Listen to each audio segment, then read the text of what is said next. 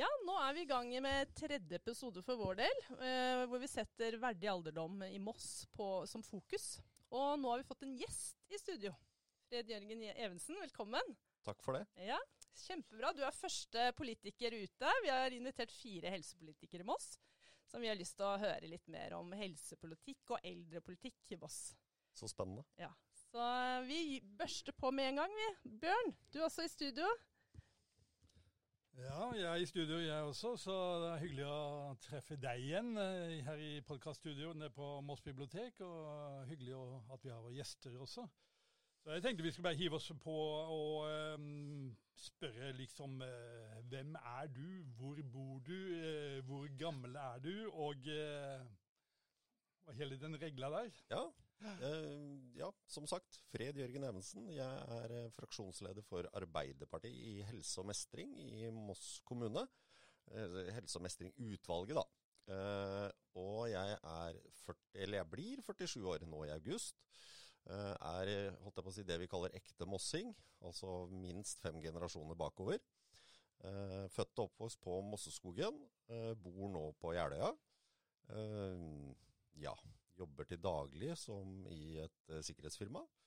Og har, hva skal jeg si, fatta interesse for politikk. Holdt på med dette nå i ja, vi er nærmer oss vel tolv år, tror jeg. Så tror jeg jeg har sittet i ti år i helse og mestring, da. I gamle Moss kommune, og nå i nye Moss kommune. Hyggelig. Ja. Sivil ja. status, barn, øh, slike ting? Ja, sivil status det er gift. Uh, gift med Hanne Tollerud. Eh, vi gifta oss i oktober. Tenk om jeg hadde sagt feil nå. Det hadde tatt seg ut. Eh, og så er jeg så heldig at eh, jeg har fått med to barn holdt jeg på å si, på kjøpet. Så vi har Mina som er eh, 28, og, og, Isak som er 25. Mina har etablert seg med kjæreste. Såpass langt unna at du må ta på deg jakka, men ikke mer enn at til sommeren så kan du gå i slipperser. Og så har vi Isak da som fortsatt bor hjemme, men er nok på vei ut, i hvert fall ifølge han sjøl. Så, så, sånn er det. Ingen ja. egne barn. Ja. Eh, beskriv deg selv som person, sånn eh, Oi. noen få ord. Ja, det var det, da. Å be en politiker beskrive seg selv med få ord. Det er noen motsetninger her. Uh, ja, nei, jeg vet ikke. Jeg, jeg, er vel som folk flest, tror jeg. Uh, jobber, jobber fulltid og driver med politikk på fritida. Det er jo sånn det er for de aller fleste av politikerne. Uh, selv om man ofte tror at det er annerledes. det er bare noen få heltidspolitikere i, i Moss.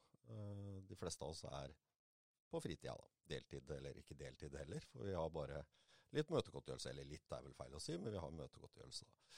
Uh, ja, og så er det, skulle jeg jo sagt at jeg liker å gå lange turer i skog og mark og sånn, men uh, jeg syns det er ålreit å gå en tur på morgenen. Men uh, ellers så er jeg ja, litt på fjellet på vinteren. Og helst reiser jeg til Thailand hvis det skulle være noe sånn type ferie. Ja. Og så fikk jeg smaken, det må jeg bare si. Jeg fikk prøvd en seilferie i Kroatia. Og for de som ikke har prøvd det Jeg var meget skeptisk, men det var helt fantastisk. Så det kan hende at det også blir et alternativ i fremover. Vi får se. Til sommeren tror jeg ikke det blir noe ferie. I hvert fall ikke å snakke om, for da tror jeg det kommer til å være valgkamp. Eh, jeg tror det kommer til å prege eh, byen vår i de neste månedene framover. Ja. Så det jo spennende tid. Ja, så ut, Før vi går inn på selvpolitikken, så skjønner jeg det rett da, at du, du har ikke noen sånn konkrete hobbyer? Uh, den største hobbyen, holdt jeg på å si, det er jo altså mest tid går til politikk. Det, det er nok helt uh, soleklart. Så er jeg jo som sagt um, Jeg er jo gift med Hanne Tollerud. uh, så, så politikk vi, vi, deler jo den felles interessen, da. Og det må jeg jo si at det, det er jo et kjempefortrinn. Uh, jeg bare tenker på alle de som eh, lever i et samboer eller et forhold hvor bare én av, en av partene er politisk aktiv. Det tenker jeg det, det, må være utfordrende for dem begge. For det, det, det går mye i politikk hjemme. Det er ikke noe sånn myntsamling eller frimerkesamling eller noe sånt som ligger på lur en eller annen plass? Nei. Du eh, plukker opp når du passerer 50? Nei, jeg, nei, jeg, jeg er glad i biler. Eh, så, så, det er jo en eh, Ja. Er, bil er for meg mer enn et fremkomstmiddel. Uh, og har nå kjøpt min første elbil. Det er noen år siden nå, da. Og er veldig fornøyd med det. Og da drar vi det litt over til det politiske. Egentlig litt Hvordan uh, havna du i Arbeiderpartiet, og det at du ble politisk aktiv i det hele tatt? Har du alltid vært den som har meldt deg i elevrådet, eller? Ja, faktisk så, så har jeg sittet i elevrådet. Eh, og jeg har til og med vært leder for eh, FAU på Grimvoll skole en gang i tida. Det, jeg, det, grunnen til at den tanken tente meg, var at jeg skjønte at eh, lederen av FAU satt liksom over rektoren på skolen. Og da tenkte jeg at den muligheten kan jeg ikke la gå fra meg. Så, så det begynte for så vidt der. Så var jeg ikke politisk aktiv før jeg traff Hanne. Som, som, da var politisk aktiv. Uh, og nå er vi kanskje over på noe som kan karakteriseres som en fun fact. Uh, det tok ganske kort tid, jeg tror det var ca. en seks måneders tid ja, hvor vi hadde vært sammen og, og levd sammen. da hvor hun etter et langt kveldsmøte kom hjem, og, og jeg holdt jeg på å si, lå på sofaen og, og, ga henne gode råd om hvordan, hva de burde gjøre og ikke burde gjøre, og hvordan de burde gjøre det, osv. Og hvor Hanne da ga meg egentlig på strak arm et konkret ultimatum, og det var enten holder du kjeft, eller så engasjerer du deg i politikken. For sånn der eh, sofakommentator, det var vi ikke interessert i. Og de som kjenner meg, vet at alternativet med å holde kjeft, det, det, det, var ikke et alternativ. Så da var det bare ett valg, da, det var å gå inn i politikken. Ja. En annen fun fact var at når jeg og Hanne traff hverandre første gangen, så var Hanne helt overbevist om at jeg var langt ut på den blå sida, eller var blå politisk sånn ja, utseende og, og, sånn, da. Så hun ble faktisk ganske overraska når jeg sa at det har jeg faktisk aldri vært. Jeg har vært på, mm. på den røde sida, selv om kanskje mye av min tidligere omgangskrets osv. var uh, mer blå, da. Mm. Så for meg så var uh, Arbeiderpartiet det naturlige valget, og har egentlig vært det hele tida. Selv om noen tror at det er Hanne som holdt jeg på å si, har frelst meg, for å bruke et sånt uttrykk. Mm. Og da Neste spørsmål egentlig, er det, hva er det du brenner for? Nå sitter jo du i helse- og omsorgsutvalget. Mm. Men, men, det er jo ikke sikkert du, det er det som er hjertesaken nødvendigvis. Altså, Kan du si litt rundt det? Nei, altså, altså det å sitte i helse og mestring, det er, og det må jeg si, det har vært kjempegivende hele veien. Eh, det er til tider veldig frustrerende, fordi man ønsker å gjøre så mye mer enn det man kanskje klarer eh, der og da. Eh, men, men, det har vært veldig, veldig givende. Eh, og så har jeg tenkt at kanskje det var tiden moden for å prøve noe annet også.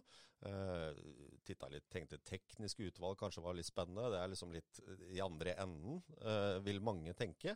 Eh, men, men, eh, det har liksom blitt helse og, og mestring for meg. Og det, det å Hva skal jeg si Altså, det, det, det høres litt sånn floskel ut, eller litt sånn overfladisk, jeg vet ikke helt. Men, men jeg er opptatt av at alle skal ha like muligheter. Og det må ikke misforstås med at alle skal ha det likt. Men at alle skal ha mulighetene, altså de basisbehovene våre. Det er altså skole, oppvekst, eh, helse. Altså de basistjenestene der. De skal alle ha muligheter til å, å få på, på, holdt jeg på, å si, på det nivået de trenger det. Uavhengig av hvor du kommer ifra, eller hvem eventuelt foreldrene dine måtte være. Og Ser man internasjonalt, så, så, er jo Skandinavia, da, for å si det sånn, eh, vi er jo langt framme på denne, på denne sida. Ser man til eh, vår eh, nabo lenger over fjorden, holdt jeg på å si, i, i Amerika, hvis du ser på den eh, Obama sin healthcare-reform, eh, så, så, var jo den Altså, det var jo et skritt i vår retning, men riktignok et lite skritt. Men når man ser liksom de forskjellene og alle de utfordringene samfunnet får pga. disse forskjellene, eh, så, så, tenker jeg at eh, vi er inne på et veldig riktig spor. Eh, og, og, sånn sett så oppfatter jeg jo at Altså, vi liker jo å tro at vi har store forskjeller i norsk politikk. Men jeg oppfatter jo at de aller, aller fleste, den store majoriteten av norske politikere, vi er enige om disse grunntankene. Mm. Eh, og så har vi litt forskjellige løsninger for å løse det, kall det på best mulig måte. da. Det skal vi ha respekt for. Nemlig. Og så har jo vi et litt sånn spissa fokus igjen her nå. Mm. For vi snakker jo mye om eldre, mm. litt om pårørende. Mm. Og så er det jo mye snakk om eldre er jo en veldig stor kategori. Ja. Eh, så vi spisser det ytterligere og snakker om de skrøpelige eldre. For mm. en dag så er det faktisk lov å si at jeg er skrøpelig. Mm. Eh, og da har vi titta litt på det samarbeidsplattformen som Mhm. dere lagde i 2019. Mm. Ja, vi, vi har vært inne og sett på den. Vi har sett på den, og vi har jo sett på programmet som dere Mm. har nå utarbeidet for uh, den kommende valgperioden. Men vi syns det var interessant å ta fatt på akkurat det med samarbeidsplattformene. eh, så, sånn som det ble da i 2019, så Mm. var det foruten dere, så fikk dere med Senterpartiet og SV, Miljøpartiet De Grønne, Kristelig Folkeparti og Rødt. Eh, Vi skjønner jo det at eh, når skal, alle skal få litt, og alle skal bli hørt, så er det ofte kanskje en vanskelig måte å finne de beste løsningene. Men, men vi, vi ser jo at det, det ligger jo veldig mange gode intensjoner, i hvert fall, Mm. det, når dere gikk inn Mm. samarbeidet her. Eh, jeg bare nevner så en sånn kjapp sak, og der står det at eh, helsemestring. At helse- og omsorgstjenesten skal drives av det offentlige og eh, eller i, av ideelle organisasjoner. Dette er jo en, Mm. en, en helt naturlig sak for et eh, Arbeiderparti og, og rød-grønn Mm. koalisjon. da. Mm. Har du noen kommentarer til det? eller om- Var det, var det Om- som om, forventa? om, om jeg er enig i det? Nei, ikke enig, men eh, ja. jo, altså, jo det, er nok, det er nok en av de punktene i den samarbeidsavtalen som var enklest å enes om. Eh, Jeg tror den, eh, altså vår, kall det vår side da, eh, i politikken, eller den rød-grønne sida. Og så vil jeg påpeke at de på den blå sida, hvis vi skal sette farge på det, de mener vel at de, de også er blågrønne. Og det skal de få lov til. Og, og de har nok mye rett i det, for det finnes miljøpolitikk på blå side også. Men her er vi inne på en av disse, som jeg sier. Vi har et felles mål. Jeg tror også den borgerlige siden ønsker gode tjenester for de eldre. Men har, der har vi en, et forskjell. Eh, De blå, eh, hvis vi skal gjøre det litt sånn kategorisk, da, eh, så, så mener de blå at det private næringsliv kan gjøre dette like godt, om ikke bedre, enn det offentlige. Vi mener at her skal vi bruke ressursene på, på å, å utvikle tjenesten, og ikke på kall det profitt. da. Det, nå, nå skjønner jeg nå, jeg skjønner at det sitter, kommer til å sitte noen og høre på som, som eh, mener at jeg forenkler det litt, og det gjør jeg, og jeg gjør det med vilje, men litt for å tegne kall det forskjellene. da. Eh, og, og et, eh, altså når, når vi tok over i 2017, altså rød-grønn side, eh, så var det jo, hadde vi jo private aktører inne i Moss. Eh, blant annet Orkerø var jo drevet av et privat selskap. Og det er jo sånn, da. Det er jo et ufravikelig faktum at eh, det finnes svært få ideelle kommersielle selskaper. Det finnes mange or ideelle organisasjoner, men de fleste selskaper de er kommersielle, og det er de av en grunn. Det er fordi at de har noen eiere, og de eierne skal tjene penger. Og Det er helt legitimt, og vi er helt avhengige av privat sektor på veldig mange områder. Jeg jobber sjøl i privat sektor, eh, og har gjort det i hele mitt liv. Eh, så, så jeg snakker på ingen måte ned privat sektor.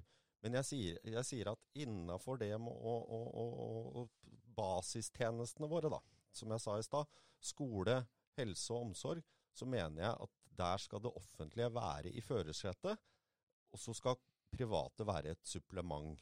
Eh, for vi, vi trenger private. Vi har BPA-ordning f.eks. i Moss, som det har vært diskusjoner rundt. Eh, det var en av de tingene som Arbeiderpartiet i utarbeidelsen av samarbeidsplattformen var helt tydelige på. Her har vi en modell som brukerne er veldig fornøyd med. Eh, kommune, altså kommuneledelsen og de som jobber med dette i, kommunen. Da. Det er jo ikke sånn at vi politikere vi, vi liker jo å ta æren og, og, og for ting, men, men, det er jo ikke vi som utfører jobben. Så de som jobber med det altså Tilbakemeldingen var dette fungerer. Ikke rør dette her. Og som Arbeiderpartiet da sa, ikke for enhver pris. Noen var jo inne på tanken at dette også burde kommunalisere BPA-ordninga. Da sa vi nei. Dette mener vi fungerer såpass bra. Her, her er det eh, en god miks, så det beholder vi. Mens eh, Orkerød f.eks. ønska vi jo å rekommunalisere, og det har vi gjort. Jeg tenkte En annen ting som står her også, det er at arbeidet for fulle stillinger eh, det har ikke vært så vellykket.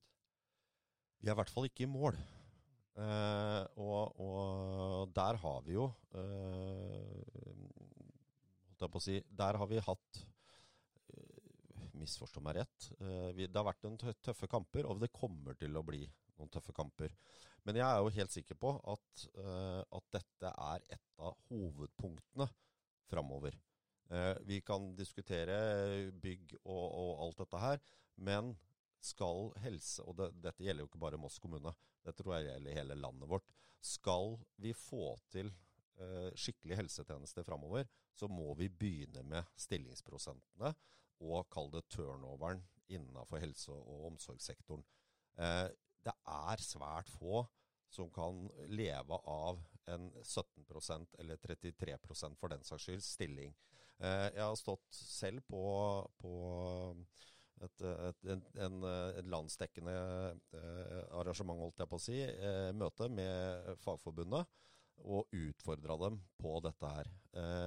Og, og selv, selv, med Arbeiderpartilogoen på brøstet, så sier jeg at vet du hva, her må vi faktisk også tørre å, å, å, å være ærlige. Altså, eh, Eksempelet, og misforstå meg rett, Åse 56 hun gjør en fantastisk jobb, og vi er avhengig av Åse 56. Men hvis Åse 56 har fått en etablert økonomi, hun, hun eh, er kanskje stått i dette faget i lang tid, eh, og ønsker å ha mulighet til å gå ned i stilling, eh, så skal Åse 56 få lov til det.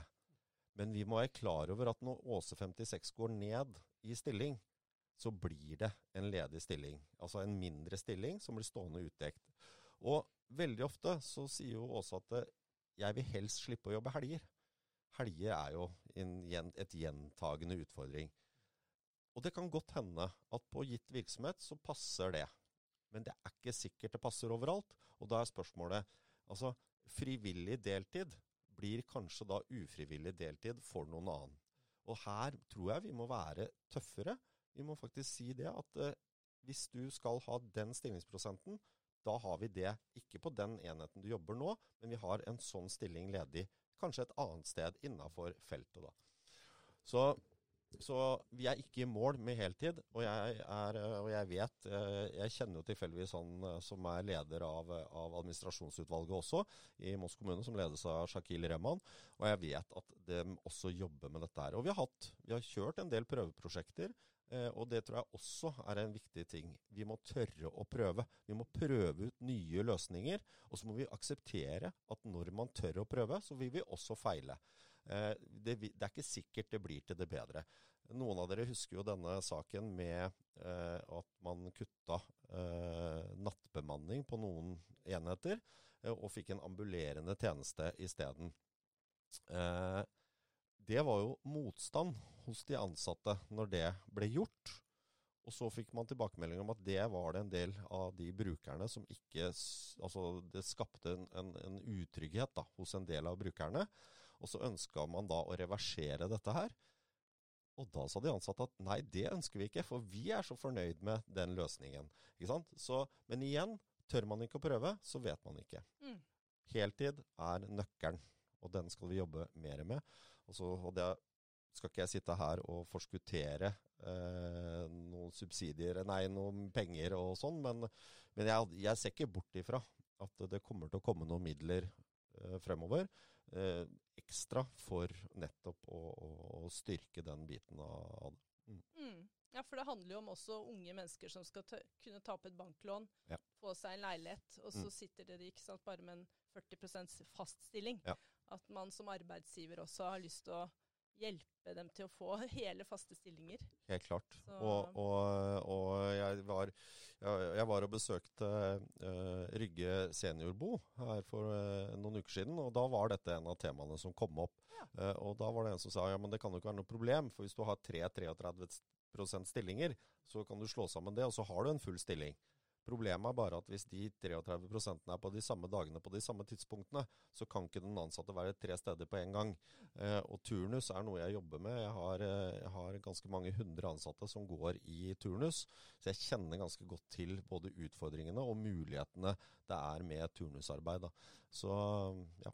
ja. Nei, men vi hører jo ambisjonene ligger der. Vi har jo lagt merke til at dere har snakka om det før, men mm. at man er ikke i mål eh, enda, men uh, fortsetter videre. Mm. Ja. Og så har jeg lyst til å gå litt tilbake til den, for det er jo den skillelinja mellom rød og blå, mm. altså privat, ikke privat. Jeg tenker på den store barnehageutbygginga som mm. vi hadde vel for 15 år siden. Mm. Så så vi vel eh, hele klanen, fra det ytterste blå nærmest Mm. til eh, det rødeste røde, som satt sammen og Mm. fikk til. Og vi hadde vel ikke fått til det krafttaket med barnehagebygging hvis ikke partiene på tvers av de der tradisjonelle skillelinjene hadde gått sammen. Mm. Har du noen kommentar i forhold til sykehjemsplass, seniorbo, omsorgsboutbygging, som vi står nå foran? Mm. Et litt sånn Her er det mye som skal til. Ja. Uh, og jeg tror, jeg tror at uh, Altså, det er helt riktig. Altså, Barnehageutbygginga eh, vi- Man hadde i hvert fall ikke klart det i det tempoet man klarte. Mm. Uh, hvis ikke det hadde vært for et, et, et, hva skal jeg si, offentlig-privat samarbeid da, på, Mm. det, på det området. Og, og igjen, i Arbeiderpartiet er ikke mot private aktører på noen, på noen som helst måte. Men vi må, ikke, vi må liksom ta den av bordet.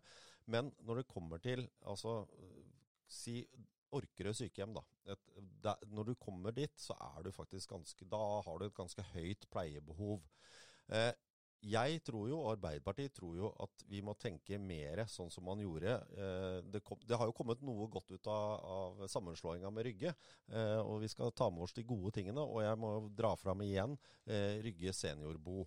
Altså det man har skapt der sånn, et, et bofellesskap hvor man har en, minst, altså en, holdt jeg på å si en høy aldersgrense. Det kommer an på hvem, hvilken vei du ser det. Men, men altså hvor du har en minstealder for å kjøpe deg inn.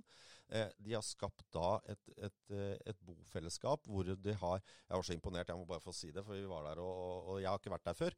Eh, men å så disse sosiale sonene Altså de har sosiale soner i hvert, hvert, hver etasje og sånn. Og det er jo ikke noe store greier, det er ikke det. Men det er et sted hvor man kan sette seg ned. Man kan slå, og da er det mye enklere. Når naboen kommer da, så, så er det lettere å sette seg ned, slå av en prat osv. Og, og så hadde de jo, særlig den ene gruppa, dem hadde jo, det var mannfolka, de møttes hver dag klokka halv ni. Og det som var så bra der, er at de løste egentlig alle utfordringene vi som politikere har hver eneste dag. Sånn at de var veldig tydelige på at eh, vi behøvde ikke å se så langt. Vi kunne bare komme til de, så skulle vi få løsningene. Og det er klart, det her er helse i hver krone. Mm. Jeg tror jo at mange av utfordringene man ser, det er ensomhet. Ensomhet fører til eh, dårlig matlyst, dårlig lite aktivitet osv. osv. Så, videre. så jeg tenker altså vi må, vi må ha flere ledd på stigen, for å si det sånn. Og så er det sånn, og Hvis dere leser partiprogrammet til Arbeiderpartiet eh, godt nå, så ser man at vi sier de som ønsker å bo hjemme, skal få lov til det. Før så var det sånn alle skal ha rett til å bo hjemme. Og Det var egentlig en sånn omskreven greie, som, og det var ikke bare Arbeiderpartiet som sa, det har vært Høyre og mange andre. Men ikke sant? Hvorfor, hvorfor har man snakka så mye om det? Jo, fordi at idet du kommer inn på en heldøgns omsorgsplass, så koster det mellom 1 og 1,5 million i, i året Mm. per beboer. Mm. Ikke sant? Så derfor så har man liksom sagt at bo hjemme så lenge som mulig, så lenge som mulig, så lenge som mulig. Og så når du først er dårlig nok sånn at hjemmebaserte tjenester og sånn ikke lenger kan gi deg den, det tilbudet du skal, ja, da skal du inn på syke, altså, da skal du ha en sykehjemsplass. Mm. Jeg mener jo at vi må ha flere ledd på den stigen, altså flere trinn. Og da Rygge seniorbo Ja. Og det har vi jo vi egentlig vi tatt til orde for det også. Altså, og vi har på en måte i løpet av den perioden som har vært nå, så liksom, hvor er disse nye prosjektene? Mm. Hvor, hvor, hvem er det som er den nye Rygge seniorbo? For vi har Mm. hørt det før og sett det i papirer og sånt nå. Så hvis du ser tilbake til den nå fire år Mm. som har gått, Mm. hvor er, Vi har jo Grindvoll, som Ja. alle snakker om, men Ja. den har jo vært i planen i mange år. Ja. Eh, men hvor er nye, disse seniorboprosjektene? Fordi jeg bare legger til også, fordi det er jo massiv leilighetsutbygging i Moss. Lettstelte Mm. leiligheter. Mm. Og mange godt voksne flytter inn der. Mm. Men eh, vi snakker jo med eldre som sier at eh, vi har jo ikke noe sted å møtes. For det er ikke bygd med noe fellesarealer. Man kan sitte ute på en lekeplass, men eh, altså, vi er i Norge. Så hvor har dere, hva Ja. har dere gjort? Ja, det er et godt spørsmål. Eh, og, og, og, her, og, grunnen til at vi kom inn på det, det var jo egentlig spørsmål om dette med privat-offentlig. Mm. Eh, Og, og, og, og seniorbo, Rygge seniorbo, er jo et privat initiativ. Selv om ikke jeg oppfatta ikke at profitten var det som drev dem, men, men allikevel, det er et privat eh, initiativ. Eh, og så kommer jo du med den, den betraktninga di. Det er, ikke, det er jo ikke mangel på byggeprosjekter i denne byen. Og, og det kommer til å bli flere. Mm. Så hvorfor bygger man ikke sånn? Svaret er veldig enkelt. Utbyggere, eiendomsutviklere, de, altså aller fleste av dem, de har en misjon. De skal tjene penger på disse prosjektene de driver med. Og så har de masse andre gode funksjoner, og de, de er en viktig brikke i fellesskapet vårt. Men, men, det er det. Disse kvadratmeterne som Rygge bo, eh, seniorbo har satt av til sosiale soner, det regnes om i hva kunne vi ha solgt disse kvadratmeterne for. Mm. Ikke sant? Så, så Men der, vi, der, tror jo vi at man går an å stille litt krav. Ja, vi hører til mange ganger at de sier at det går Nei, det er de vi har begrensa mm. muligheter. Men dere kan jo også si til utbyggerne at hvis dere skal få lov å bygge en NAB-binær, så har vi veldig behov for akkurat den konseptet. For vi mm. blir faktisk over snittet flere eldre i Moss. Ja. Kan dere ikke være jo. litt tøffere? Jo, mm. det kan vi. Ja. Og, det, og, det, det, kommer vi, og det kommer vi til å bli. Uh, det, det, er helt soleklart. Og, og, det er jo det er akkurat det. Men vi, det må gjøres altså, det må gjøres i planverket. Eh, og så må det gjøres i når tomtene reguleres, for å si det sånn. Vi har jo, vi har jo satt krav til at f.eks. Altså størrelse på leiligheter, type leiligheter osv. Det har man jo satt krav til. Og så er vi inne på da dette nå med, med kall det sosiale soner. Da, da, må vi, vi må ha det med oss fra dag én. fordi at når når tomta er regulert, da, for å si det sånn, og, og, den biten er liksom gjennomført, og du kommer til utbyggeren og sier at men kan ikke du være så snill å senke uh, fortjenesten din litt med å bygge noen sosiale soner? Så sier de ja, det skulle vi gjerne ha gjort, men dessverre, nå er det for sent. Så vi må tidligere inn. Vi må inn i planarbeidet. Vi, grunnen til at Karine nevner det her også, det er jo fordi at vi har, eh, vi har prøvd oss på en, en sånn utbygger eh, som har en stor tomt oppe på Eckholt. Og han sier jo det at selvsagt kan vi det. Men det er ingen som stiller et krav til oss. Mm. Og hvis dere spør oss hvordan vi skal gjøre det, så kom med ønskene deres, så skal vi mm. tegne det her ut. Og mm. så fikk vi en tegning tilbake. Og, og, de hadde regulert tomta med egne seniorboliger og mm. egne blokker som var litt høyere. Og eh, sa at dette er ikke noe problem, men, men vi får alle noe tilbakemelding på eh, hva er det kommunen trenger. Mm. Og da så vi at dette nytter, mm. og de er villige til å gjøre det. Mm. Det er bare noen må gå inn og, og, mm. og, og ta fatt i det. Mm. Men, men og, det, og det, Nå vet jeg ikke hvilken, uh, hvilken tomt og hvilken utbygger det, dere uh, har vært i kontakt med, uh, men, men, jeg tror jo at vi må altså Det må være, misforstå meg rett, og jeg, og jeg, har full forståelse og respekt for det, men det må være en gulrot også for utbygger. Fordi at det, altså det, det må være Det kan være f.eks. at en tomt som, som, man kanskje i utgangspunktet ikke hadde sett for seg at skulle bygges ut, hvor man da kan si at ok, her får dere lov til å bygge, men da skal det være denne type bygg til denne målgruppa. Eh, og jeg vet jo at eh, etter besøket på, på Rygge seniorbo, så har de en tomt som i utgangspunktet er litt utfordrende. Eh, men hvor det skal eh, Jeg tror det kommer til å komme og bli en, en befaring etter hvert. Og hvor man da, nettopp for å informere det politiske, og da snakker vi tverrpolitisk, om at hvis Altså, her er det en mulighet. Igjen, denne tomta ville stått ubebygd, for det er sånn det ligger an per i dag. Men hvis du kan få lov til å bygge der, så kan du også da stille noen krav. Ja, Det høres eh, lekkert ut, det gjør det. og ja. De er flinke, de gutta der. De begynner å bli gamle, og de trenger noen som eh, De har jo spurt oss også om, eh, om vi er interessert i å være med videre. Men, men vi, vi, vi, tenker jo også Jeg nevnte den her utbyggeren som vi har vært i kontakt med. og Vi utfordra dem jo på en annen tomt som vi kjenner til, og som er mulig å bygge på. og Det er rett ved siden av Eckholt sykehjem. Mm. Um, og da var de og så på det, og de tegna en uh, fin sak for oss. Eh, jeg tror det var 120 boliger eller noe sånt, i størrelse 50 kvadrat eller noe sånt, med fellestun og sånt uh, for hver enhet. Mm. Og uh, Vi tenker jo så at det må jo være smart å bygge ved siden av Ekkol sykehjem, for der har du alle fasiliteter. Alt fra fotterapeuter og frisører og mm. mat og kjøkken og sykepleiere og alt sammen. så de som er for syke til å bo hjemme mm. og er for friske til å havne på en sykehjem, mm kan bo der, men da får de også det her tilbudet som er sånn rett over gata-løsning. Mm. Mm. Og vi er jo ikke noen eiendomsutviklere, så dette Nei. er et eksempel. Og jeg, jeg fikk eh, se gjennom masse avis, gamle avisklipp fra Bjørn, eh, jeg tror det er 15 år gamle, hvor de står ved et jorde og peker. Det var også ved eh, gamle Ryggeheimen, da, Eckholt sykehjem. Så jeg tenkte at det liksom, ting går ganske sakte. Mm. fordi av den artikkelen så står det liksom ja, vi får ikke svar, og vi Mm. venter og venter. Men hører jeg nå at liksom dere har tenkt å ta litt fart? Det- Eh, har du troa, liksom? Ja, For jeg, jeg skal berømme jeg dere for det. I det nye programmet så ser jeg faktisk at dere har satt opp at dere skal bygge tilstrekkelige sykehjemsplasser. Mm. Og det er ikke alle programmene faktisk som har med, så den tenkte jeg den må vi gi kred for. Ja, det er, det er jo hyggelig. Og, og, og som sagt, sykehjemsplasser er én ting.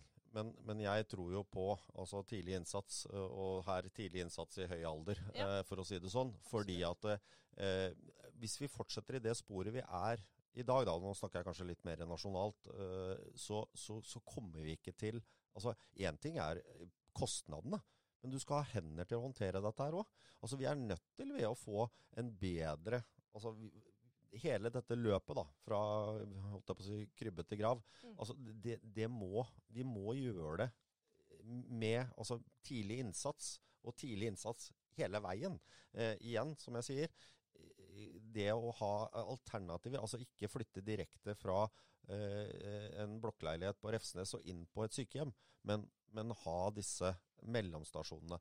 Og Skogata bo- og servicesenter eh, var jo tenkt sånn. Det skulle være et bo- og servicesenter. Mm. Og så har vi jo sett at de blir jo stadig eh, dårligere. Mm. Nå skal jeg ikke dra fram Norlandia, men de drifta det jo også. Og der var det jo veldig klart, For dem kategoriserte jo beboerne fra én til tre. Og så var, fikk de jo betalt fra hvor mange som var i hver kategori. Og de var jo veldig opptatt av å kategorisere disse og gjøre regelmessige oppdateringer.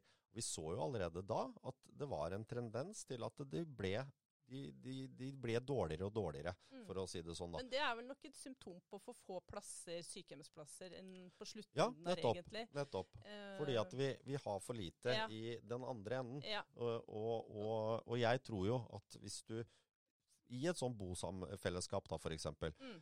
Du, du, du, du, du, får, du får økt livskvalitet. Mm. Du, du løser veldig mange av de utfordringene som gjør at du hva skal jeg si, kan leve et liv altså med høyere livskvalitet, og sånn sett da, misforstå meg rett, mindre, eh, mindre behov for omfattende helsetjenester. da. Mm. Og kanskje også istedenfor at eh, hjemmehjelpen eller hjemmesykepleien sitter i en bil en store deler av dagen, Mm. kanskje de kan ha en mer stasjonert med litt Mm. fast bemanning, Mm. mer kontinuitet. Mm. At det er noen sånne sider med det. Men jeg har lyst til å gripe fatt i litt det med For vi er jo ve vi er veldig enige med det her med å få flere seniorbo og omsorgsbo. Folk kan bo krype inn i sitt egen lille leilighet, og så gå ut i felles når de ønsker. Mm. Kanskje en husvert som hjelper dem med fjernkontrollen. Men eh, vi ble jo mange demente da, i Moss. Eh, hvis, eh, til 2050 så skal det ha økt til 2448, sier Demenskartet, eh, som har, gjør prognoser. Og- det er altså 1425 flere personer enn i 2020.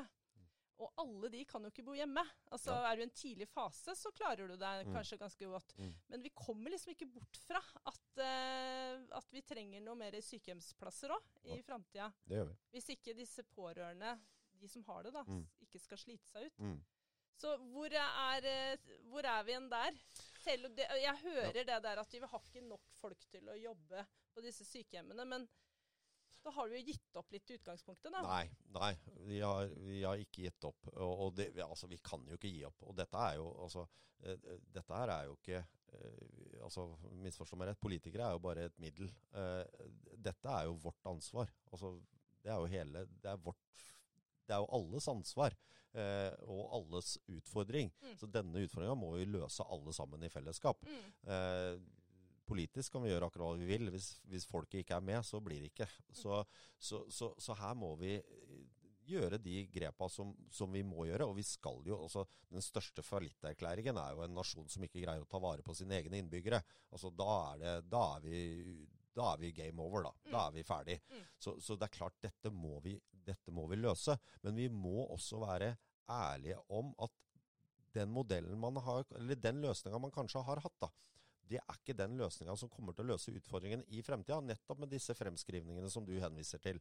Da må vi begynne å tenke nytt. Da må vi begynne å tenke annerledes. Eh, eh, dette, med, dette med, um, omsorgsteknologi. Vi har snakka om det en stund, eh, og, mange liksom tenker at skal datamaskiner og roboter ta over omsorgen. Nei, de skal ikke ta over omsorgen. Men de skal frigjøre de omsorgspersonene til å være nettopp omsorgspersoner. da. Ikke sant? Så hvis, hvis en sykepleier i dag bruker x antall timer på å dosere medisiner f.eks., så kan vi ha en robot som gjør dette like nøyaktig som sykepleieren. Og så kan sykepleieren være det som faktisk er viktig. Det er jo ikke å stå inne på medisinrommet. Det er å være ute hos eh, pasientene eller brukerne eller beboerne. Og sånn sett kanskje da observere at nei, vet du hva, den doseringa på fru Hansen det er faktisk ikke riktig dosering, det. Fordi at nå har hun endra seg. Men hvis sykepleieren må stå mesteparten av tida inne på medisinrommet og telle opp disse medisinene og dosere disse medisinene, så har du ikke den tiden. Så, så det er jo det man tenker, i hvert fall ja. fra vårt ståsted, mm. med teknologi. Altså bruke teknologi for å ta bort, kall det de kalde tjenestene, for å mm. bruke et sånt uttrykk. Ja. Bruke de varme hendene til det. Mm. Og det vil jo være, eh, hva skal jeg si, forebyggende. Ja. Ikke sant? Du vil komme tettere på. Mm. Nettopp. Jeg er veldig enig med deg i det du sier. Men så har vi jo den eh, serien som kom i Brennpunkt her nå i vinter, om uh, disse gamle som uh, hadde masse mm. apparater som de ikke skjønte noen ting av, og mm. ante ikke hvem som snakka til, og mm. hvordan de lå an med mm. medisinering og sånn. Tror du ikke det finnes sånn i Moss også? Altså, altså det, det, er klart. Igjen så er det jo uh, samfunnets utvikling, da. Eh, og, og, hvis du tar en, hvis du tar en uh, toåring i dag og gir de en iPhone, eller en telefon, da, for å bruke det uttrykket bør ikke være, vi, vi er, Jeg er ikke sponsa av noen. Så, så, vet de hvordan de åpner denne telefonen. En toåring vet det i dag. Det er ikke sikkert at en 82-åring med en demensdiagnose vet det. Eller får det til. Ikke sant? Men, men de tingene, altså teknologien, altså den, de kommende generasjonene da, som blir eldre, de har et helt annet forhold til teknologi. Og Det også, ikke sant? Det er jo det med å implementere ny teknologi eh, i en gruppe hvor dette kan være med å skape utrygghet istedenfor trygghet. For det mm. er jo for å skape trygghet, mm. men det skaper faktisk en utrygghet. Og det er klart, det er en utfordring. Men det må jo ikke få lov til å Altså, da må vi løse den utfordringa. Det er mm. ikke teknologien og, og, tanken bak den som er feil, men det er kanskje måten det blir implementert på. Og at vi kanskje da må erkjenne at ok, det krever litt mer ressurser nå for at fru Hansen eller herr Olsen skal være komfortabel med dette, enn det vil i fremtiden. Så kall det den tidsgevinsten eller de, de, de, de, varme hendene, eller frigjøre de varme hendene, vi klarer kanskje ikke å hente ut den i like stor grad nå som vi vil på sikt. Men det betyr jo ikke at vi ikke skal gjøre det. Mm. Skynde seg litt langsomt i respekt for at ja. de ikke har vokst opp med en telefon i handa, ja. sånn som mange gjør nå. Men da, eh, da, har jeg lyst til å dra et skritt videre, for da, vi snakker om sykepleiere, helsefagarbeidere. Det er mm. jo det viktigste gullet her. Mm og hvordan vi tar vare på de. Mm. Uh, det har jo vært noen serier nå, saker i Mosseavisa, mm. som er litt sånn lite hyggelig lesning. Mm. Og det er jo litt spennende å høre, for politikerne er jo i grunnen egentlig arbeidsgiver. Ja. Eh, og, og, ta det arbeidsgiveransvaret mm. og gjøre Moss en attraktiv kommune mm. å jobbe i. Mm. Eh, noen grep der. Ja, og det er jo altså Ingen liker jo verken de som står fram med disse historiene, eller de som holdt jeg på å si, måtte ha ansvaret for. Eh, så, så, så, dette er jo ikke en ønska situasjon for noen. Eh, og, og, jeg må jo beære, eh, ikke beære, det er feil uttrykk, men, men, berømme de som står fram og forteller sine historier. Eh, det som bekymrer meg med det Én ting er historiene, men det bekymrer meg også når, når, vi får den siden av det. For jeg vet at det, det, er veldig mange ansatte i Moss kommune som ikke opplever hverdagen sin sånn. Så sier ikke jeg at de som opplever det sånn, skal hva skal jeg si, ikke bli tatt på alvor, at ikke vi skal lytte til det. Men jeg skulle ønske meg, og dette er litt for å tenke utvikling av organisasjonen også, jeg skulle ønske at vi også, at Moss Avis også skrev litt om de som kanskje hadde en annen opplevelse, sånn at vi får nyansert bildet litt. For jeg må jo si at det var en, en professor eller noe fra Innlandet som hadde lest da disse oppslagene, og, og sånn sett kom med en ganske ja, en uttalelse om lederkulturen i Moss kommune. Og snakket og konsekvent omtalte det som ansatte i Moss kommune. Så måtte jeg gå inn, for jeg, jeg reagerte, jeg fikk sånn ryggmargsrefleks på det. Og, og, hva betyr det egentlig? Og ansatte i Moss kommune, den måten han ordlegger seg på, så omtaler han egentlig alle ansatte i Moss kommune. Og det er det ikke sånn. Og problemet det blir jo da at det blir så uangripelig. Altså, Det er klart vi har ledelsesutfordringer i Moss kommune. På lik linje som at vi har fantastiske ledere i Moss kommune. Så, men vi må, vi, det må være en kultur hvor man kan si ifra. Det blir tatt på alvor. Det blir fulgt opp. Og så er det faktisk sånn at det kan hende at matchen hvis, hvis du er sjefen min, så kan det hende at du og jeg ikke jobber godt sammen. Og at enten du eller jeg bør altså, finne noen andre å jobbe sammen med, og så fungerer det veldig bra. Jeg har noen hundre ansatte. Jeg opplever det stadig vekk at gode folk, altså toppfolk, begge parter eller to lag eller hva det måtte være, jeg har ingenting å utsette på noen av dem, men setter man feil folk sammen, så får man feil kjemi, og så fungerer det ikke. Og det er ikke, gærent, det er ikke noe galt med noen av partene, men det bare det, det, matcher ikke, da, for å si det sånn. Da må vi tørre å, å rekke, og da må det være en kultur for å rekke opp hånda og si fra om det. Og så, og så, finner man sammen gode løsninger. Løser dette på en god måte for alle.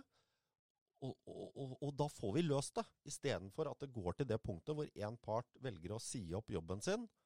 Og, Liselotte Trobbe er jo, hun har jo vært ute offentlig, og, jeg kjenner, kjenner henne fra Hun har vært engasjert på dette feltet i, i veldig mange år, og vært eh, tillitsvalgt og i det hele tatt. Men, men, hvor hun da kommer til et punkt hvor hun føler at det, nå har jeg ikke mer å gi i Moss kommune. Nå nå søker jeg meg bort fra Moss kommune. Det er klart det er kjempeleit. Moss kommune mista en kjemperessurs. Men det er viktig for meg å si vi må ha en kultur hvor det er lov å rekke opp hånda. Det skal bli tatt på alvor. Og så kan det være sånn at noen ganger så Ja vel, jeg oppfatter at jeg skal løse min arbeidsdag på denne måten. Ledelsen bestemmer noe annet. Ja vel. Ja, men da, da innimellom så blir det sånn som ledelsen har beskrevet, da. Men det betyr jo ikke at du ikke er en god medarbeider. Men da skal vi kanskje finne noen andre oppgaver til deg, da. Et annet sted som du matcher bedre, ikke sant. Her var det jo også, uten å gå så mye inn i akkurat den saken, mm. så var det vel snakk om at det var ganske mange som forlot skipet, på en måte. Og, altså flere ja. sykepleiere. Eh, det var liksom ikke et enkelttilfelle. Mm. Og så lurer jeg litt på sånn, har Moss kommune eh, HR-kompetanse utenfra? Fordi det er noe med oss, noen som kan se det utenfra. Mm. Eh, dessverre, så jeg, sier, jeg kjenner ikke godt nok til eh, hvordan det er her i Moss, men noen ganger så kan jo HR-avdelingen være en forlenga arm til arbeidsgiver. Ja, skjønner ja, du? Ja, skjønner. det, er, mm. det, er, en sånn kjent klassiker som, mm. Eh, hvor det kan være tilfellet. Eh, får dere drahjelp utenfra nå for å se på det med frisk blikk utenfra? Ja, det, det, det må nesten kommunedirektøren, altså da tenker jeg eh, Eli, eh, svare på. Eh, for da, nå begynner vi å bevege oss inn i veldig sånn vi, vi, som politikere vi skal i utgangspunktet bare kjenne rådmann, eller kommunedirektøren heter det nå. Eh, så, så, så det, det, det, håper jeg de gjør. Og jeg, håper, og jeg kan i hvert fall si fra politisk hold så skal vi gi rom for det. Eh, det er, det, er, en god tanke. og, og, og jeg, skal, jeg kan ikke si om det gjør det eller ikke. Det jeg kan si, det er at eh, vi har et varslingsutvalg i Moss kommune som er eh, som er leda av uavhengige, eh, av uavhengige, da, for å si det sånn, som ikke er hva skal jeg si, eh, lønna av Moss kommune, og som fungerer, eh, og som vi har sett eh, håndtere saker på en veldig veldig god måte.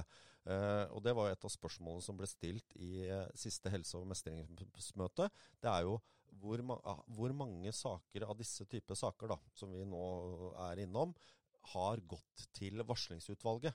Og det er jo sånn, det, Nå er det jo ikke sånn at alle saker skal gå til varslingsutvalget. Det er jo en, en gjennomgående misforståelse. Men, men, noen saker burde kanskje gå dit, for å få en uhilda vurdering av saken. Eh, og, og, og, sånn sett så, så er det jo eh, Alle kan holdt jeg å si, melde en sak til varslingsutvalget. Vi, det har vi jo Det har vi sett eh, eksempler på i media. Eh, hvor, hvor eh, også uavhengige organisasjoner har varsla til varslingsutvalget. Og hvor varslingsutvalget da behandla den saken som en varslingssak etter alle disse reglene og, og, og føringene de har. Mm. Så Og så er det jo en, en sak om eh, Jeg kan jo referere til Grunnloven paragraf 100 om Oi. ytringsfrihet. Mm -hmm. For folk som også er ansatt i kommuner. Og Mm. dette er et generelt klassisk problem, at man ikke tør å ytre seg. Og Mm. det har man faktisk ganske stor takhøyde for.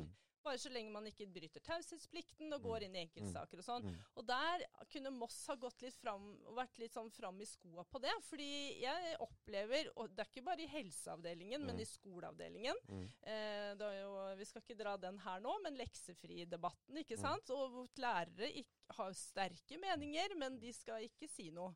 Altså, og, altså det, Ja. og Vi kjenner fra gamle Rygge kommune, hvor eh, rådmannen var ute og minnet sine ansatte om at de har taushetsplikt. Nei, de skulle være lojale mot sin arbeidsgiver.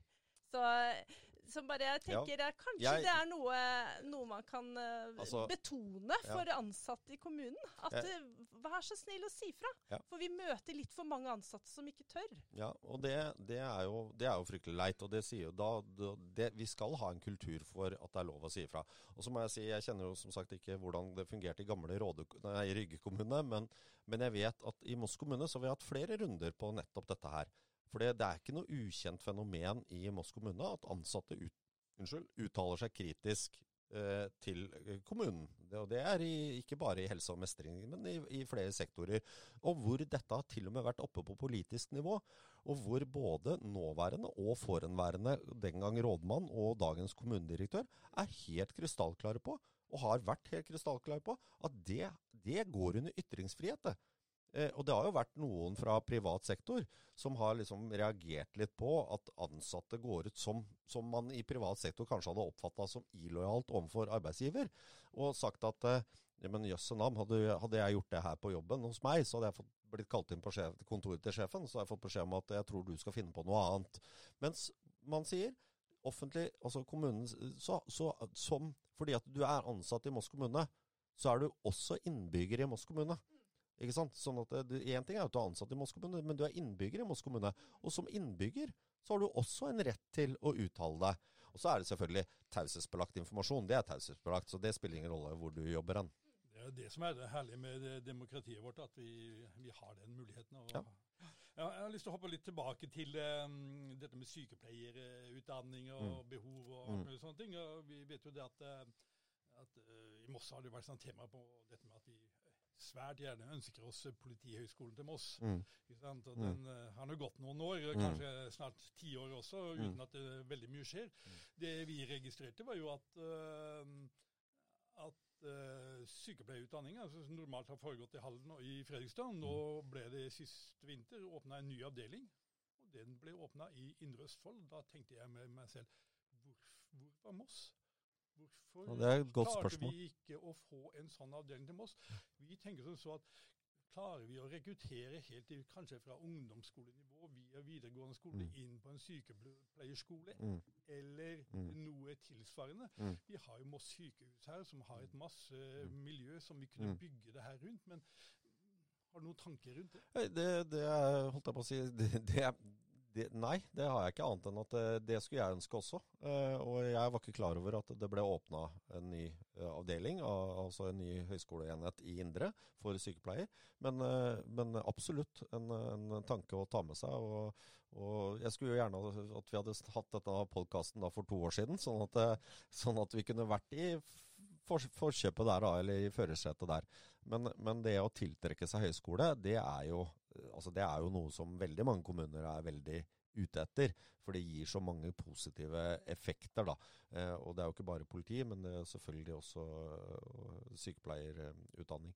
Og så tror jeg jo, vi var jo så vidt innom det i stad, jeg tror jo at sykepleiere, eh, og igjen litt dette med teknologi og sånn eh, Sykepleier Altså nå skal ikke jeg dra en profesjonskamp her, men, men, men eh, fagarbeider, da. Helsefagarbeider. Eh, jeg tror jo at det også er noe vi bør løfte. Altså det er veldig snakk om sykepleierne, hvor viktig sykepleierne er. Og det er selvfølgelig fordi de er så viktige, så jeg sier ikke det. Men, men jeg oppfatter at vi glemmer litt helsefagarbeideren, da. Altså de, at de også, hva skal jeg si, løftes fram. For skal vi lykkes, så er det én ting er sykepleiere, men vi må ha nok helsefagarbeidere òg. Og vi har jo vært på flere møter nå med eh, kommuneadministrasjonen og hatt masse ja, ulike treff. og da, da, da, hører vi jo stadig oftere dette her med at eh, bygge nye sykehjem og alle Først må vi få folk til å bekjenne disse hjemmene før mm. vi kan begynne å tenke på å bygge. Mm. Og Det betyr jo at uh, dette her kan vi bare sette en strek over, fordi at det ikke er folk nok i Moss til mm. å bekjenne disse her, om de er sykepleiere eller, eller uh, helsefagarbeidere. Det å si at vi har ikke folk til å løse oppgavene i fremtida, uh, det er ikke et alternativ. Nei. Vi kan ikke sitte om 20 år og si at ja, nei, nå Vi sa for 20 år siden at dette ikke kom til å gå. Vi, vi, bare fortsatte i samme spor, og nå går det ikke lenger. Mm. Altså Det er, som jeg sa i stad, det er en fallitterklæring. Og mm. den ja, jeg hører i hvert fall noen muligheter for sånne pool, sånne sykehjem, sykepleierpool. Mm -hmm. Har dem i Sarpsborg, mm -hmm. blant annet. Sånn at da går da er det ikke faste sykepleiere på ett sykehjem, men da skal du ligge oppe, og så variere. Mm. Kan du være mellom to sykehjem, f.eks.? Er, vi er det dit vi kommer? Det har vi prøvd ut i Moss. Ja, og det har vi hatt forsøksprosjekter på i Moss. Ja, mm. Og hva, hva erfarer dere?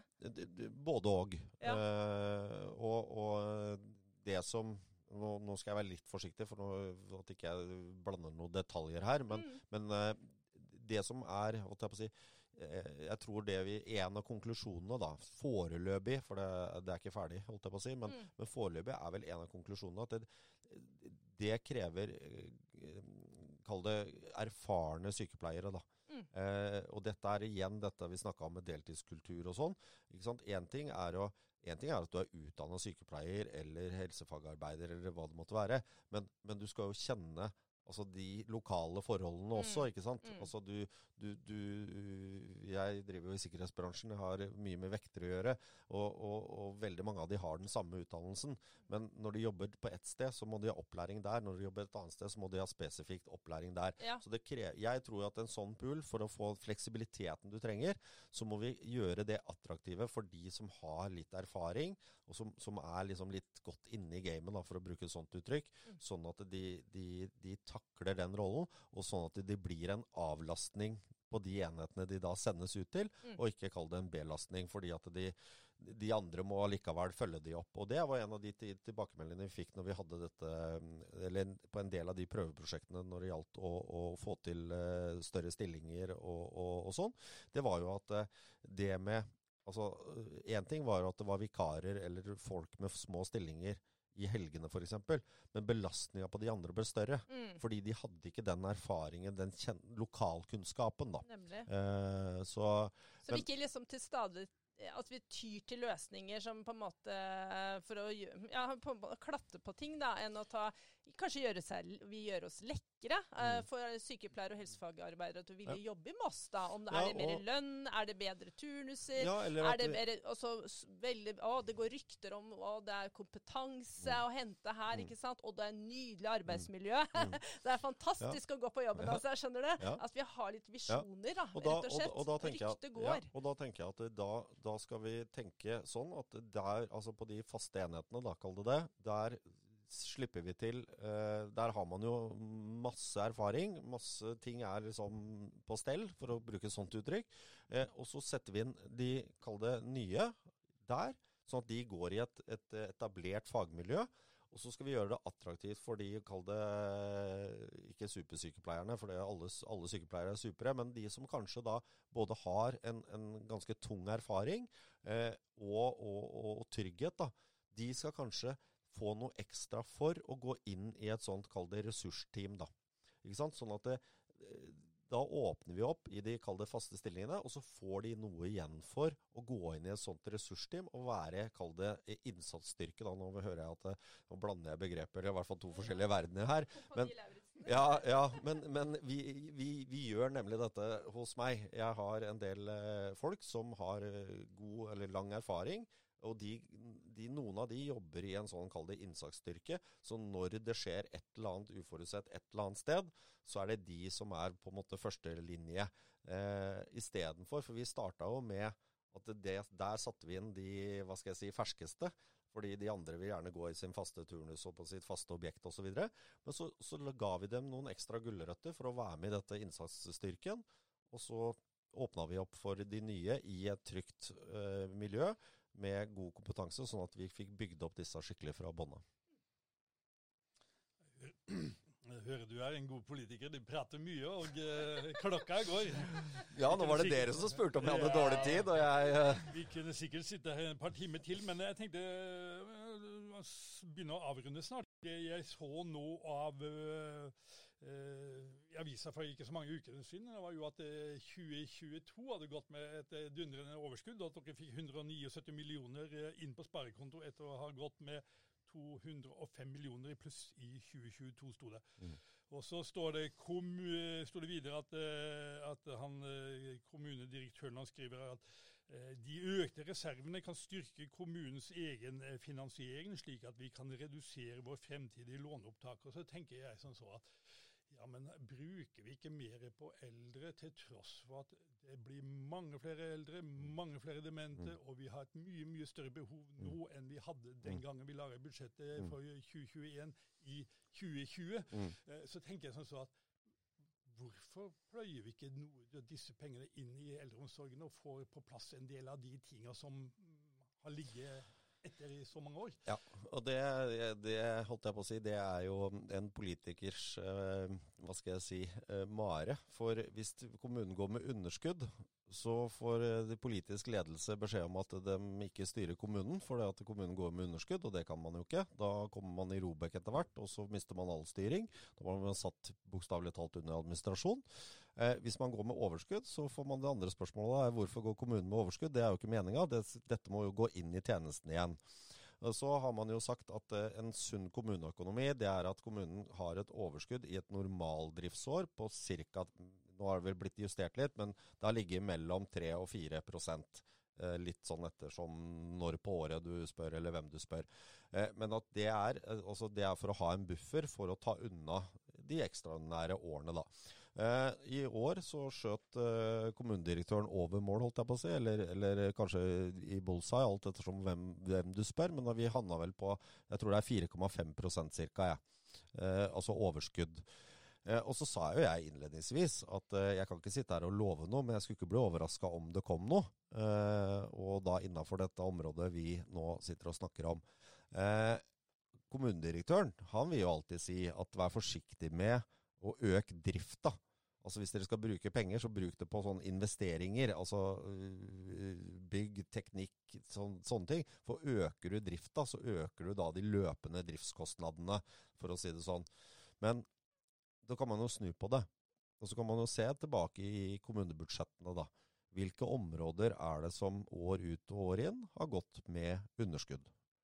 Det har jo veldig ofte vært innafor den sektoren vi nå sitter og snakker om.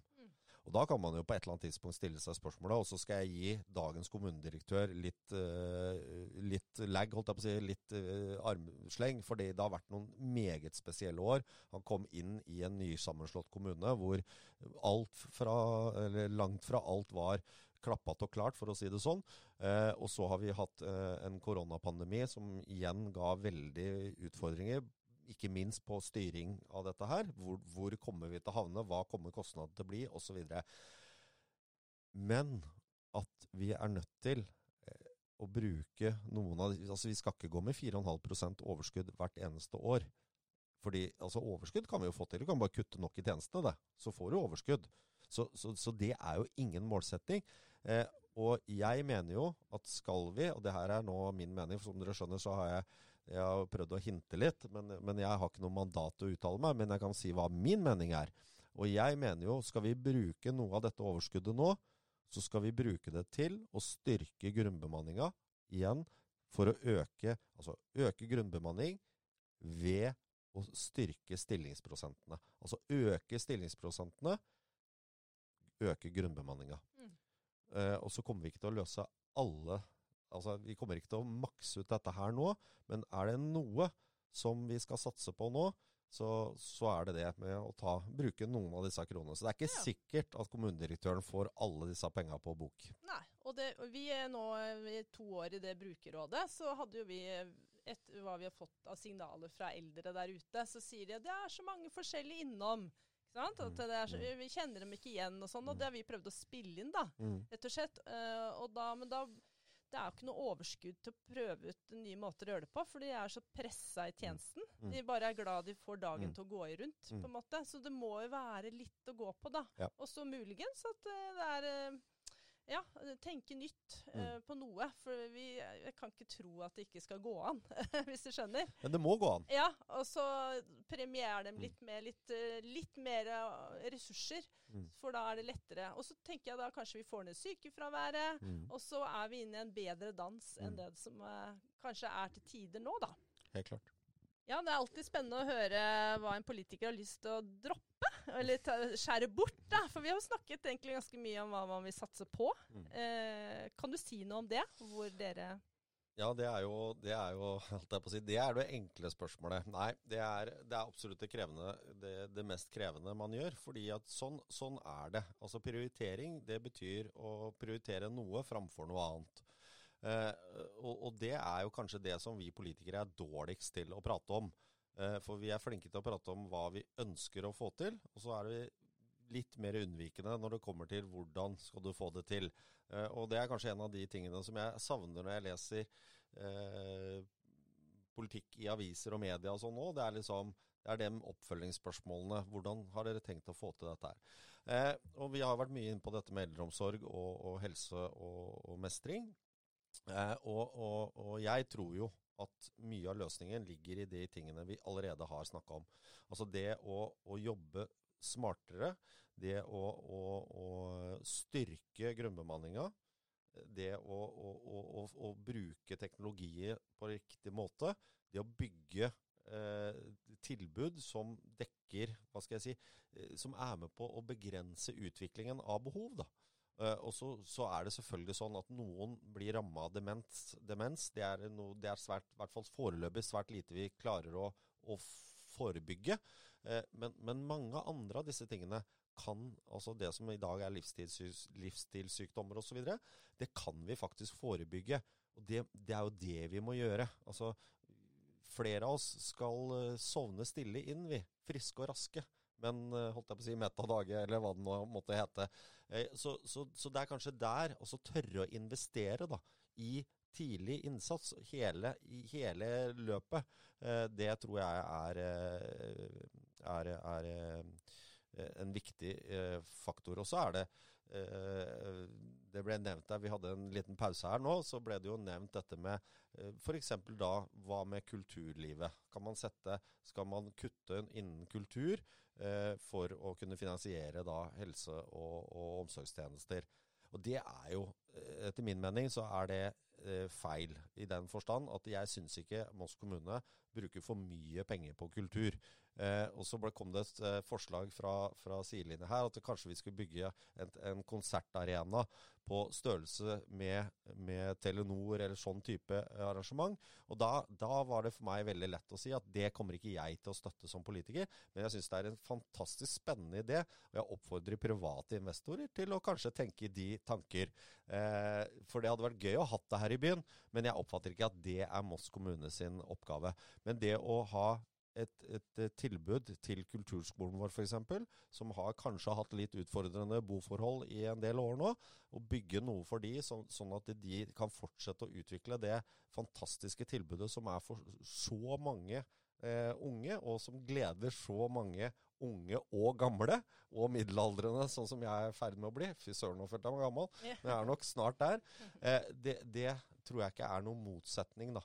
Eh, men, eh, men nå Telenor Arena får dere nok ikke i Moss. I hvert fall ikke hvis jeg skal votere over det. Nei. Så når den eh, det, det utredes jo nå behov for omsorgsbo. Den kommer til høsten, eventuelt til våren. da. Så Den har jo holdt på et par år nå, vel, Mm. cirka. Så Mm. vi er ganske utålmodige for at den Mm. skal komme. Men da er du klar. Altså da, for det tar jo som regel litt lang tid fra plan, altså utredning ligger der, Mm. til det skal bestemmes med planer, før den spaden blir stukket i jorda. Mm. Men da er du klar, da. Vi har, du, du, du, vi har pengene. Vi får ikke høre igjen at det ikke fins nok midler, på en måte. Fordi Nei, altså du tør du, Altså, det, det, altså eh, vi, vi, nå, vi har vært inne altså Vi har fremskrivningen. Ja. Dette, dette forteller oss hva fremtiden kommer til å, å, å gi oss av utfordringer. Ja. Eh, Og så kan vi kanskje greie å bremse det noe med en del gode tiltak osv. Mm. Men, men dette ligger foran oss. Da må vi også bygge deretter. Ja. Eh, ikke sant? Det, det er, men jeg vil ikke forskuttere hva som kommer i den rapporten. Eh, eller den utredninga. Men det vi har vært tydelige på, og spilt inn til administrasjonen da, som faktisk ut, også som lager denne utredninga, Mm. det er jo at vi ønsker at de tenker helhetlig. Altså kan vi, hvis, Jeg sier bare hvis, for jeg aner ikke hvordan denne utredninga ser ut. Mm. eh, men, men hvis de kommer tilbake med Kall det noe som, som er i tråd med det jeg har sittet og skissert der, da, med, yeah. med flere trappetrinn osv. Og, Mm. og, og de, det er troverdighet i det de legger fram om at denne, denne modellen vil dekke det fremtidige behovet, Ja. så, så kommer jeg til å stemme for det. Ja. Eh, men hvis de kommer tilbake og sier at eh, vi skal starte å bygge eh, 1500 nye sykehjemsplasser i morgen, eh, vi har ikke pengene til det, vi, vi får det ikke økonomisk til å gå rundt, så kan ikke jeg som, som lokalpolitiker si at det, det skal vi gjøre. Fordi at på et eller annet tidspunkt så skal vi eh, betale regninga. Vi kan ikke alle være eh, Solvik-Olsen samferdselsminister som lovte nye veier i alle bauger og kanter, slapp mikrofonen og reiste til USA og lot regninga komme til de som kom etter den. Altså, det er, ikke min, eh, det er ikke min stil, og jeg kommer ikke til å være med på det. Men at vi skal løse utfordringa, Mm. og at vi skal ta ansvar for å løse utfordringa i fellesskap. Ja. For dette, her er, dette er alles problem. Det er Ja. ikke bare et politikerproblem. Det er vårt alles utfordring. Men Og- sammen så kommer vi til å løse Og det. kanskje også på litt på tvers av tradisjonelle eh, ja, politiske altså Vi var jo inne på Mm. barnehageutbyggingen. Mm. At du er, er man åpen på å se her kan vi løfte i lag og spille på alle gode krefter. Ja, det, det, er, helt, det er jeg helt med på. For nå er, nå er vi, jeg har vært såpass tydelig i løpet av denne podkasten, og hvis Ja. ikke alt blir klippet bort og går bort i redigeringa, Ja. så, så, så har jeg vært tydelig på hva jeg mener at det offentlige skal drive, Ja. og hva det private kan Mm. bidra med. Ja. Så det, jeg tror vi er ganske enige. Og det, tror, det tror jeg jo, som jeg sa innledningsvis, det tror jeg vi jo til syvende og sist er også tverrpolitisk. Alle ønsker å løse utfordringa. Det hørtes veldig bra ut. Jeg um, hadde bare lyst til å, å, å helt på tampen å, å nevne det at uh, vi har jo lyst til å snakke mye mer om det her. her vi, og så Mm. har vi da laga oss et eh, stort arrangement som skal være den 24. mai klokka Mm. 18 i Samfunnssalen i, i Moss. Og vi har som tema 'Hvem skal ta seg av mamma hvis hun blir syk og skrøpelig'? Og Det syns vi er en fin eh, overskrift, og det er, tror jeg veldig mange i Moss er veldig opptatt av. Mm. Og står midt oppi som pårørende Mm. eller som Mm. eh, whatever. Mm. Eh, arrangementet skal vi gjennomføre eh, i en samkjøring sammen med Nasjonal forening for eh, eh, folkehelsen. Og så skal vi ha med oss Moss og omegn kvinneråd. Eh, og så eh, har vi en, noe som heter Pårørendeaksjon eh, Moss, som skal være der. Men vi har vært så heldige at vi har fått med tre stykker fra Stortinget. Tone Trøen fra Høyre. Hun sitter i helse- og omsorgskomiteen. Cecilie Myrseth regner med vi med kanskje kommer.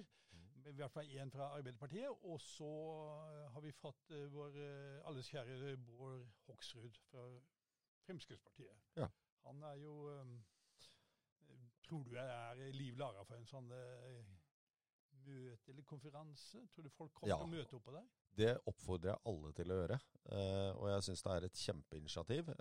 Arbeiderpartiet, vi har Gå inn og les programmet vårt, partiprogrammet vårt. Eh, vi snakker faktisk en del om akkurat dette her. Med at vi må, ha, vi må skape arenaer eh, hvor vi kommer sammen og snakker om disse utfordringene. Eh, og fordi det fins så mange kloke hoder der ute, det finnes så mye erfaring der ute, det finnes så mange beskrivelser av behov. Eh, og ikke alle beskrivelser av behov er fryktelig ressurskrevende. Det er jo litt sånn man tror at det er farlig å spørre, for da får man en sånn smørbrødliste. Eh, men, men, kanskje enkle grep, mye enklere enn kanskje vi politisk sett sitter når vi skal sitte og løse de store spørsmåla, klarer å, å fange opp. Så dette er et kjempeinitiativ, og jeg gleder meg. Jeg kommer. Ja, hørtes uh, veldig hyggelig ut. Uh, jeg tenker jo sånn så at uh, det sitter kanskje mange hjemme der også og er både sinna på politikere, på administrasjonen og sinna på alle, ja. fordi at ikke de får den hjelpa mm. de mener de trenger mm. og har behov for. Men, mm. men, det kan jo fort hende at hvis vi kommer på den konferansen, så ser de det at de er ikke alene, og at ja. vi jobber alle sammen for mm. at vi skal få det bedre. Mm. Det er jo, som du sier, en, en fin uh, måte å gjøre det på. Mm. Og jeg hadde bare lyst til å spørre, Hvor viktig blir uh, eldresaken for Moss Arbeiderparti i denne kommende valgkampen? Den blir viktig. Mm. Uh, og vi, vi, ønsker jo en debatt vi om helse og mestring, skole, Eh, og, og, disse verdiene, da, for å si det sånn, disse utfordringene, eh, så skal, kommer vi helt sikkert til å snakke om rv. 19 og, og, og samferdsel.